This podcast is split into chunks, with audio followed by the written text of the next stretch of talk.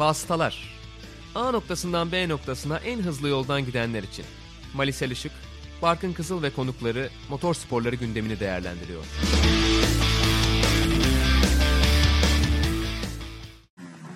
Max, I think we're a little bit close for tyres at this stage. I think just pull back. Mate, this is the only chance of being close to Mercedes and not just sitting behind like a grandma.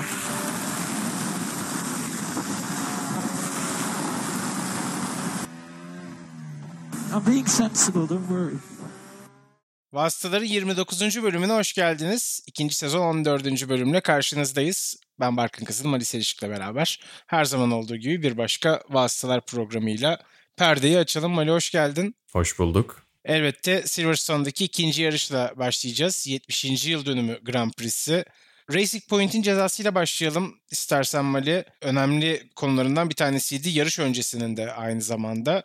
Tabii ki... Yani se- sene boyunca konuşacağız herhalde. Evet bu konu uzayacak gibi gözüküyor. Ben de onu söyleyecektim. Fren kanalları ile ilgili olan tartışma devam ediyor ki diğer takımlar da dahil oldular cezanın üzerine. Yani teknik olarak bir kural ihlali yok ama e, sportif regülasyonlara uymayan ya da uymadığı değerlendirilebilecek bir durum söz konusu. E, 14 puanı silindi Racing Point'in. 400 e, bin euro da para cezası geldi. Racing Point cezayı fazla buldu. Ferrari, McLaren, Renault ve Williams da cezayı az buldular, itiraz ettiler. Yani çok sürer diye tahmin ediyorum. Şey ilginç bu arada, e, Toto Wolff ve Zach Brown birkaç kez bir araya geldiler bu hafta sonu padokta. E, önümüzdeki yıl tabii Mercedes motorla yarışacak McLaren ve biraz Mercedes'le araları gerilmiş gibi. Buradan çıkabilecek en ilginç durum bu gibi görünüyor. Ama yani sezon sonuna kadar ve önümüzdeki sezonda belki çünkü hani araçlar bir şekilde tasarım olarak da taşınacaklar 2021'e bu konuyu tartışıyor olacağız gibi görünüyor. Ama öyle başladı tabii Racing Point için yine bir olumsuz gelişmeyle başladı aslında bu haftada. Evet 7.5-7.5 iki yarıştan toplam 14 puan silindi ve bir de para cezası aldı Racing Point bu incelemelerin sonucunda. Ama herhalde Racing Point'te bu hani otomobildeki parçayı kendi ürettiği iddiasının arkasında duracak gibi gözüküyor. Zaten Mercedes cephesi de biraz onlara destek olur şekilde konuştu. Dolayısıyla bu konu herhalde çok daha uzayacak az önce de bahsettiğimiz gibi ama biz daha fazla konuşup uzatmayalım istersen ve yarışta devam edelim. Red Bull tabii ki bu yarışın parlayan yıldızı oldu. Özellikle lastik stratejisi harikaydı. Red Bull'un ve Max Verstappen'in de kusursuz sürüşüyle birleştirince bu stratejiyi Mercedes'leri geçmeyi başardılar Silverstone'da. Sürpriz oldu mu Mali ne düşünüyorsun?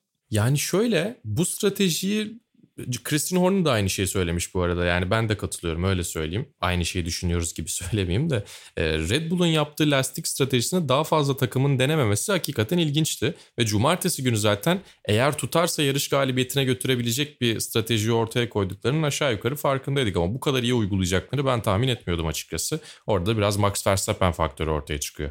Evet özellikle bence ilk pit stop sonrası o kısa stinti çok iyi kullandılar. Sonrasında da zaten Verstappen bir daha arkasına bakmadı ki Mercedesler bunun tam aksine lastikleri idare etmek konusunda sorun yaşadılar. Hatta bir ara Lewis Hamilton ikinciliği de tamamen kaybedecek gibi gözüküyordu. Yarışın sonunda bulduğu tempo ile beraber Bottas'ı yakalayıp geçmeyi başardı. Tabii o noktada istersen şunu da tartışalım. Çünkü öyle dedikodular var. İki sürücüye de hem Bottas'a hem Hamilton'a takım telsizinden yarışmakta serbestsiniz mesajı gitti ve bunu yani bir komplo teorisi olarak değerlendirmek lazım bilmiyorum ama Bottas'a yol ver mesajı şeklinde değerlendirenler olmuş. Yine de bence Bottas sırası için savaştı. Öyle kolay bıraktığını söylemek çok mümkün değil. Yine de Hamilton tabii ki temposu çok hızlıydı ve Bottas'ı da geçti.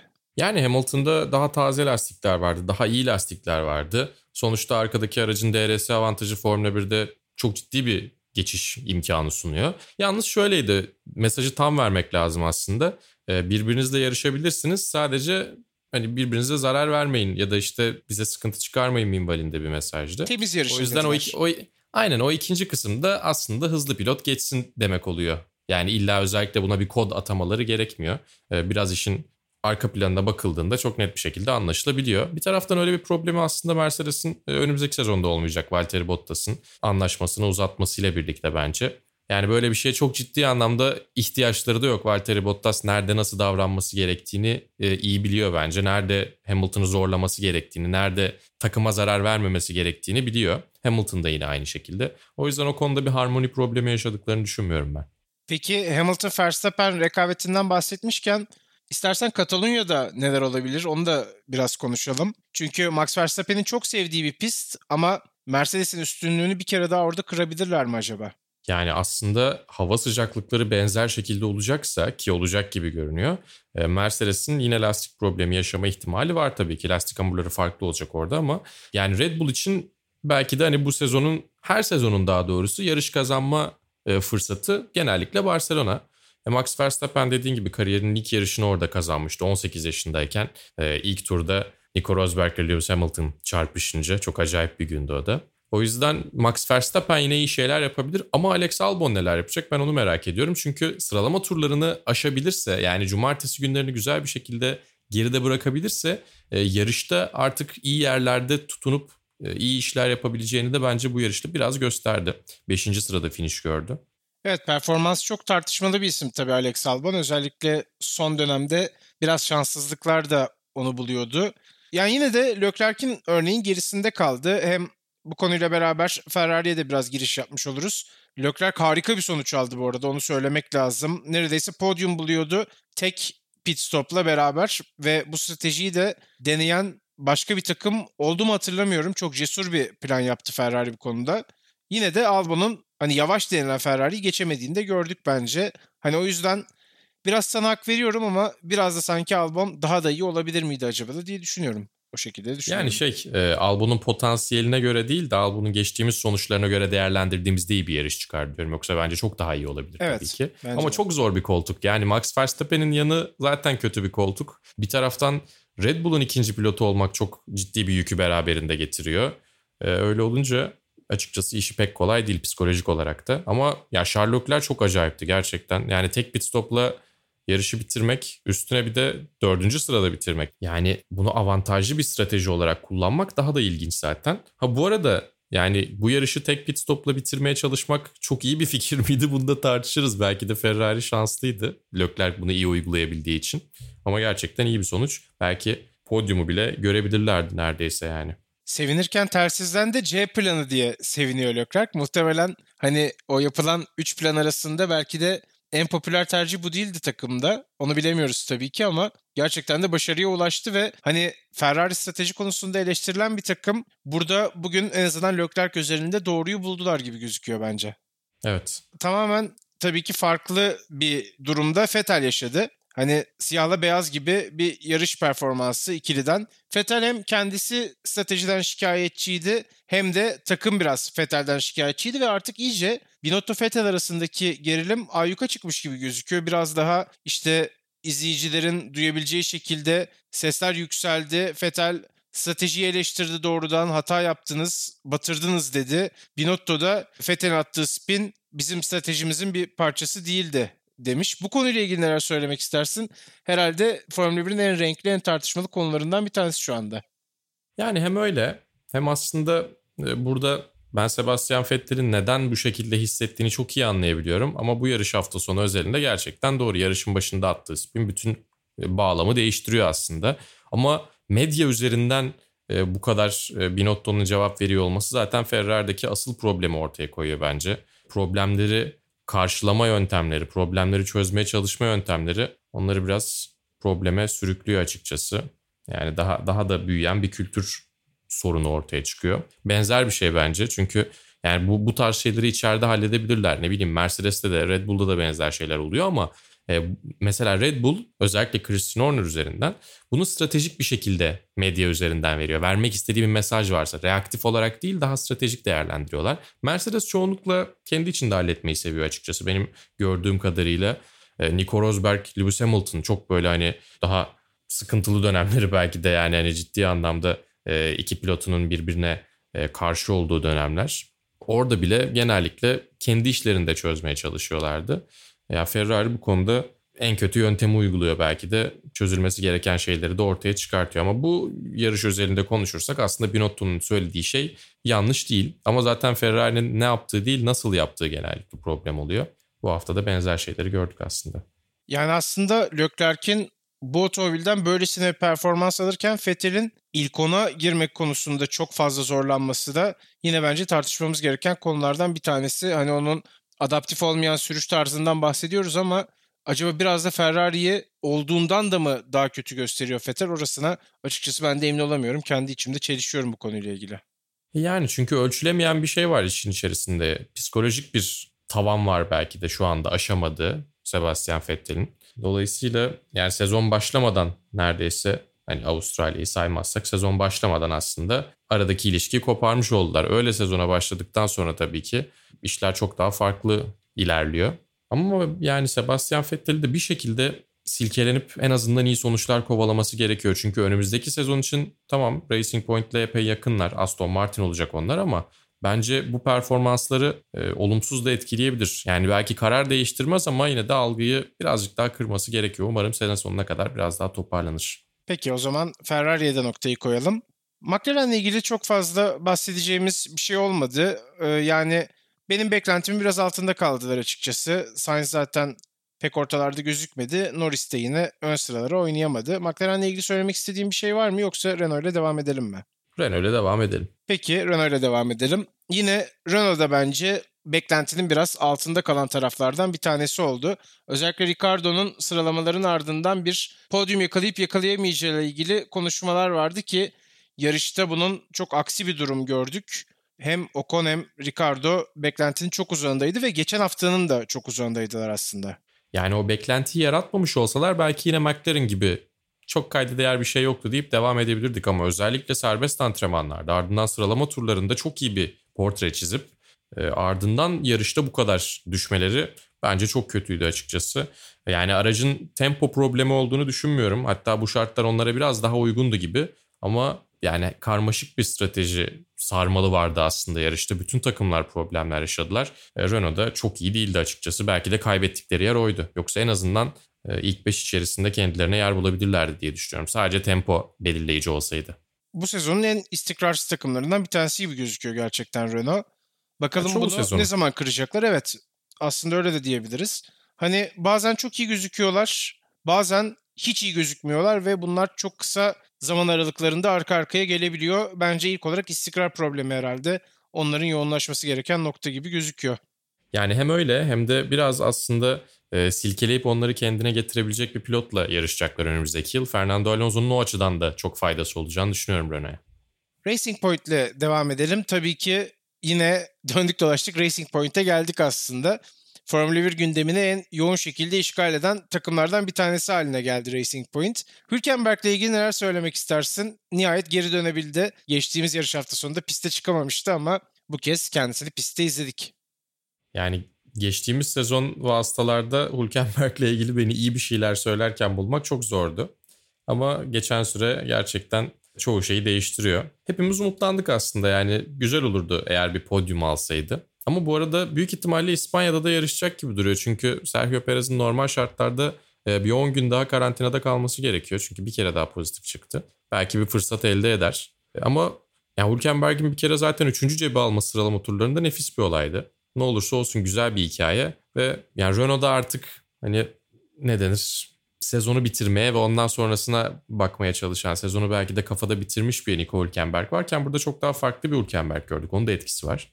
Ee, onun dışında daha iyi bir şekilde yarışı bitirebilirlerdi belki ama e, sonlara doğru arka lastiklerden bir tanesinde emin değilim. %50 şansım var ama kullanmayacağım. Vibrasyon, titreşim olduğuna dair bir geri dönüş yapmış takım tersi üzerinden Nico Hülkenberg. E, Öyle olunca da riske girmemişler açıkçası ve pite almak zorunda kalmışlar onu. Daha iyi bir yerde bitirebilirdi aslında. İki sıra daha yukarıda bitirebilirdi Nico Hülkenberg. Yine de Lance Stroll'la birlikte ikisi de güzel sonuçlar elde ettiler. Bu arada şöyle bir şey söylemek lazım. Renault'a e, bu yarışta 7 puan fark attılar bile. O eksi 14 puanın yarısını yediler.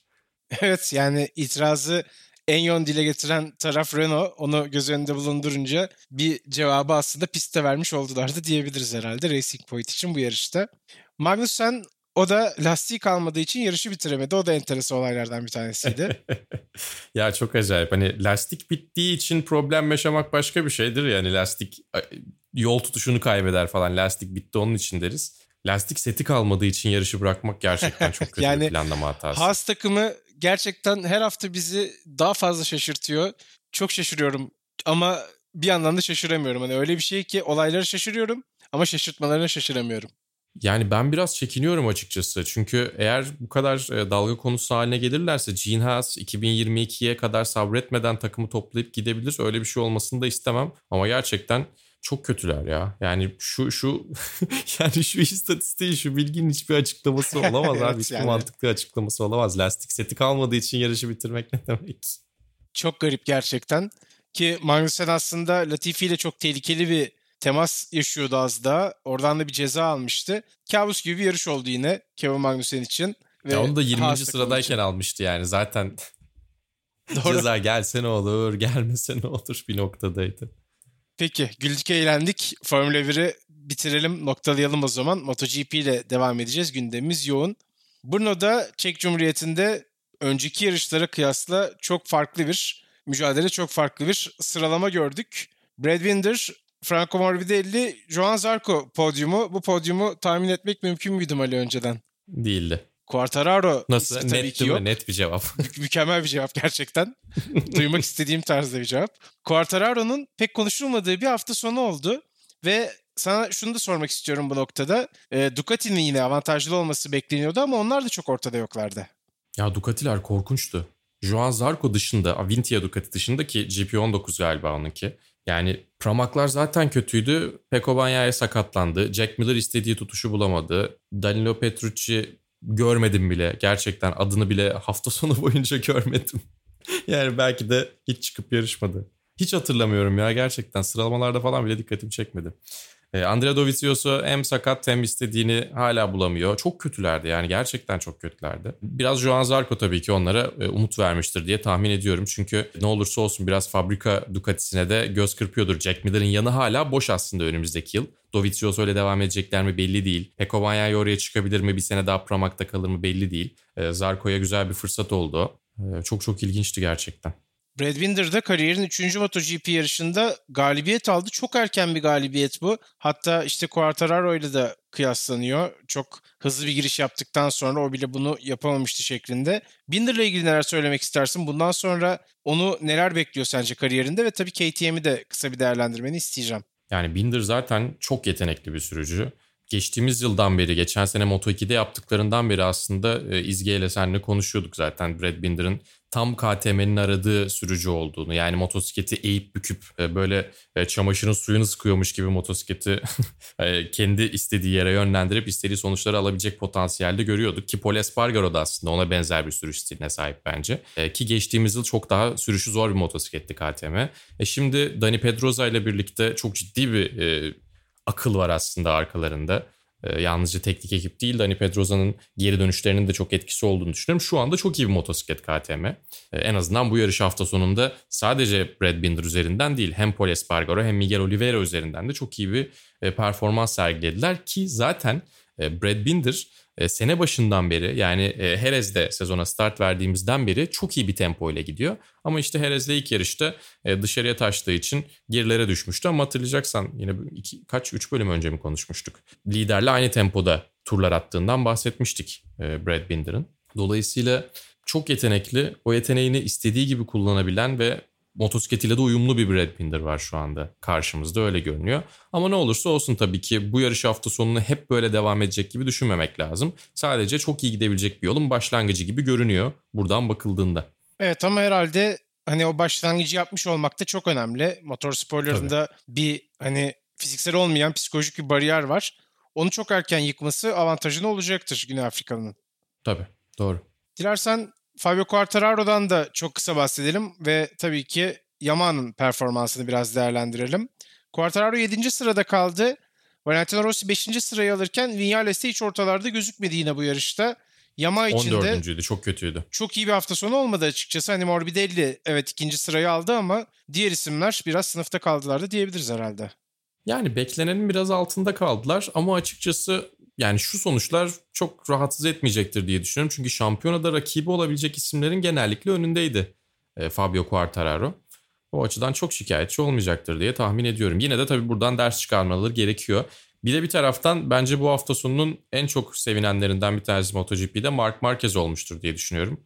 E, geri döndüğünde hala kapatılabilecek bir fark görebiliyordur diye tahmin ediyorum. Hatta Avusturya için belki biraz sabırsızlanmaya başlamıştır. Yani o bıraktığında daha doğrusu Mark Marquez pistte olmadığında devralabilecek çok net bir güç görmüştük aslında Jerez'de, Fabio Quartararo'da. Ama her pistte bunu yansıtamayacağını görmek belki Mark Marquez için de bir motivasyon kaynağıdır.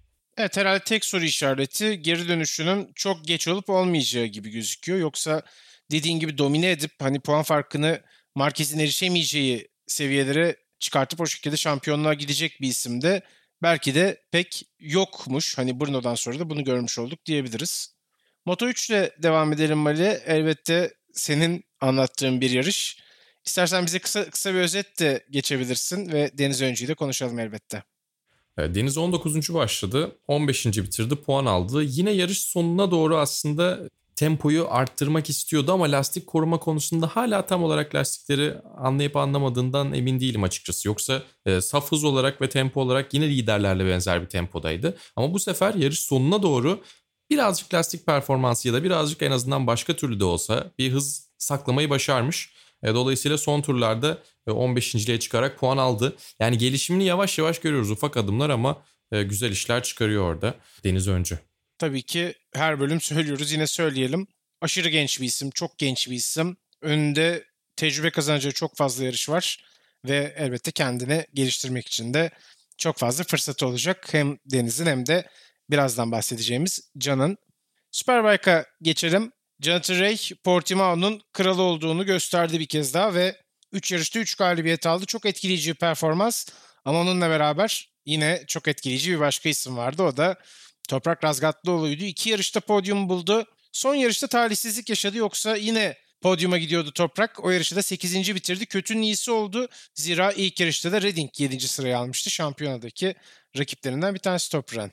Yani aslında ben e, yarış hafta sonuna gelirken daha doğrusu e, yine senin Twitch kanalında e, twitch.tv Barkın Kızıl adresinde konuşurken. Reklamımızı da yapmış olalım. Tabii tabii.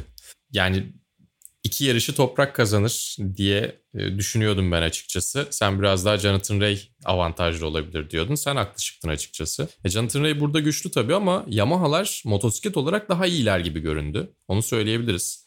E, Kawasaki'lerden bir tık daha iyilerde en azından. E, Ducati'lere de baktığımızda yani motosikleti genel olarak değerlendirdiğimizde e, Yamaha'lar Portimao'da en avantajlı motosiklet gibi göründüler. E, zira 3 farklı sürücüyle podyuma çıktılar. E, Loris Bass, Michael van der Mark ve Toprak.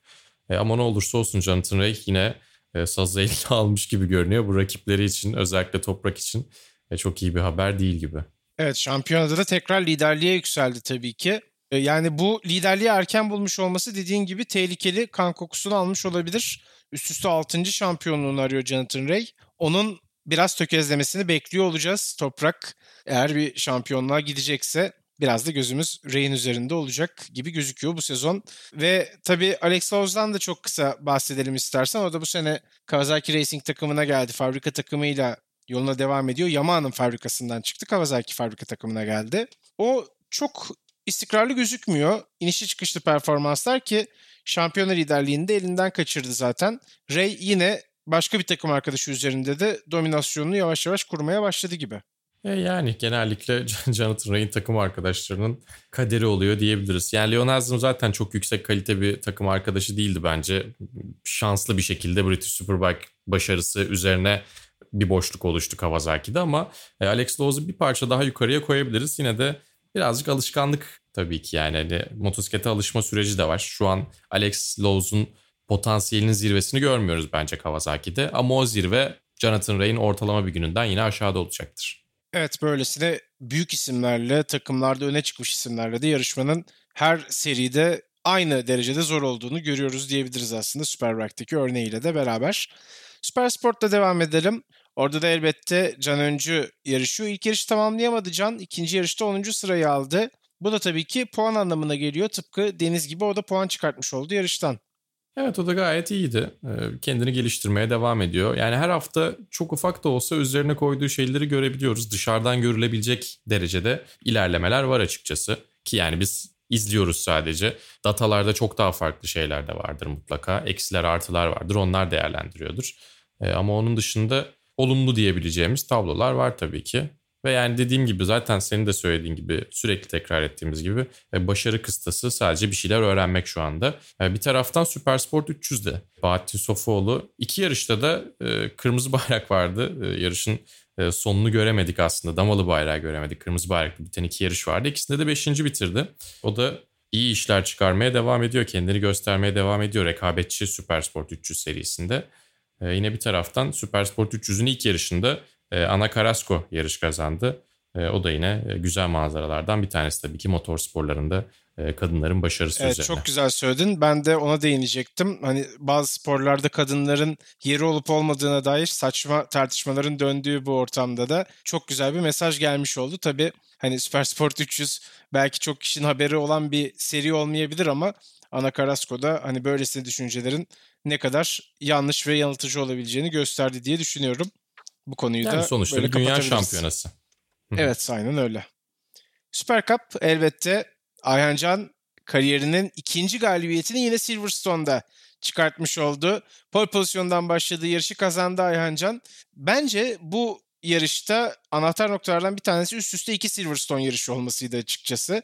Çünkü ilk yarışta Team GP Elite'in hani veri avantajıyla beraber çok daha avantajlı olduğunu görmüştük. O fark aradan kalkınca Yine Tenford Ayhancan ikisi çok yakındı birbirlerine ama bu kez Ayhancan gülen taraf oldu yarışta.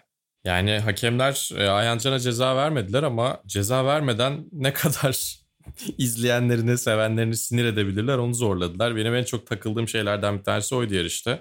E, yarışın başında güvenlik aracı girdi. Sonrasında Ayhancan işte liderdi ve tekrar yarışa başlatırken e, o prosedür içerisinde bir hata yapıp yapmadığına dair inceleme başlatıldı. Son tur mu inceleme e, ibaresi kalktı sonra? Evet son tura girerken kalktı yanlış hatırlamıyorsam. Yani 10 tur boyunca mı incelediler bunu? Ya inanılmaz hani çok uzun çok saçma bir süre boyunca incelediler. Hani bu kadar süre ne incelemiş olabilirler ben de çok merak ediyorum.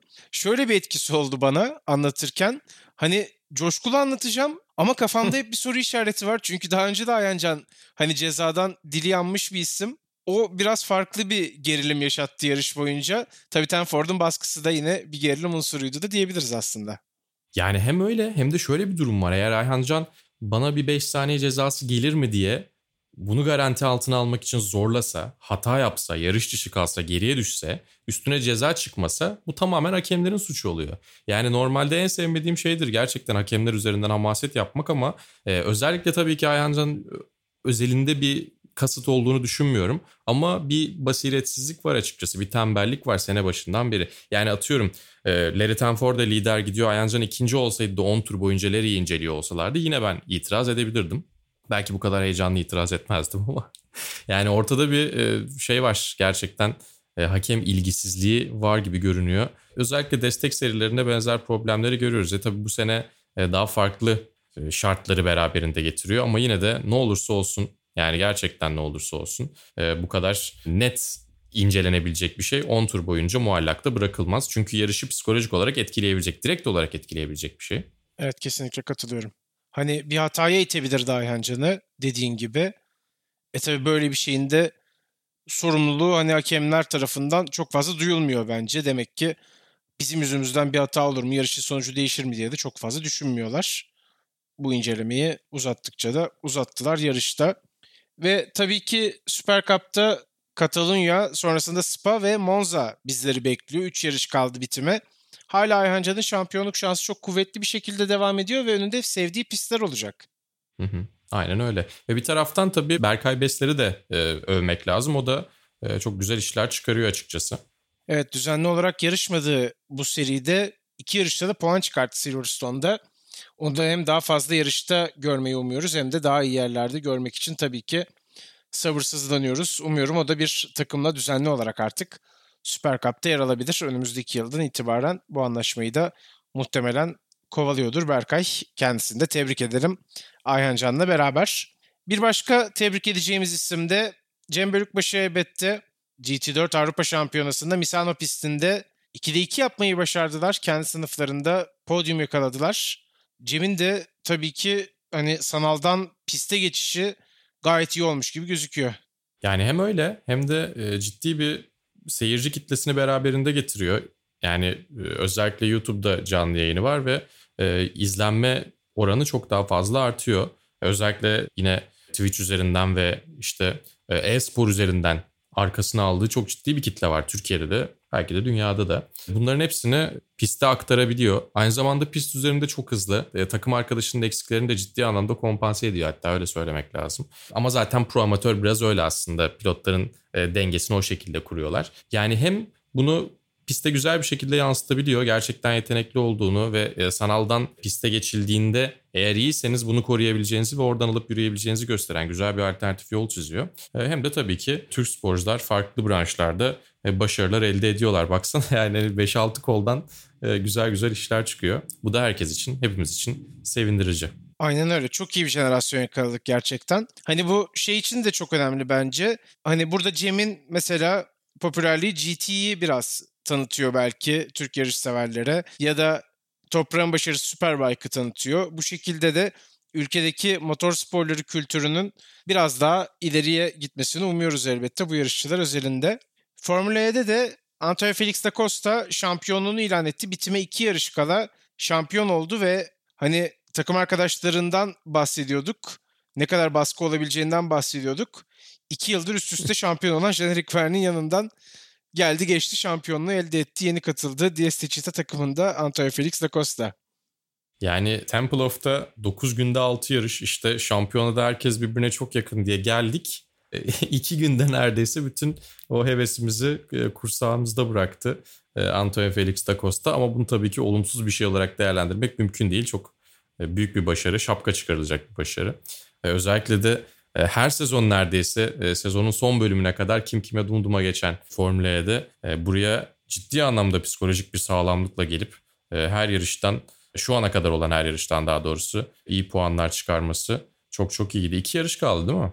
Evet iki yarış kaldı. Biz bu programı kaydederken Formula E sezonunda bir şekilde bitirilebilecek en azından. Hani onlar da radikal bir çözüm buldular ama bir şekilde sezonu tamamlamayı başardılar bu korona döneminde.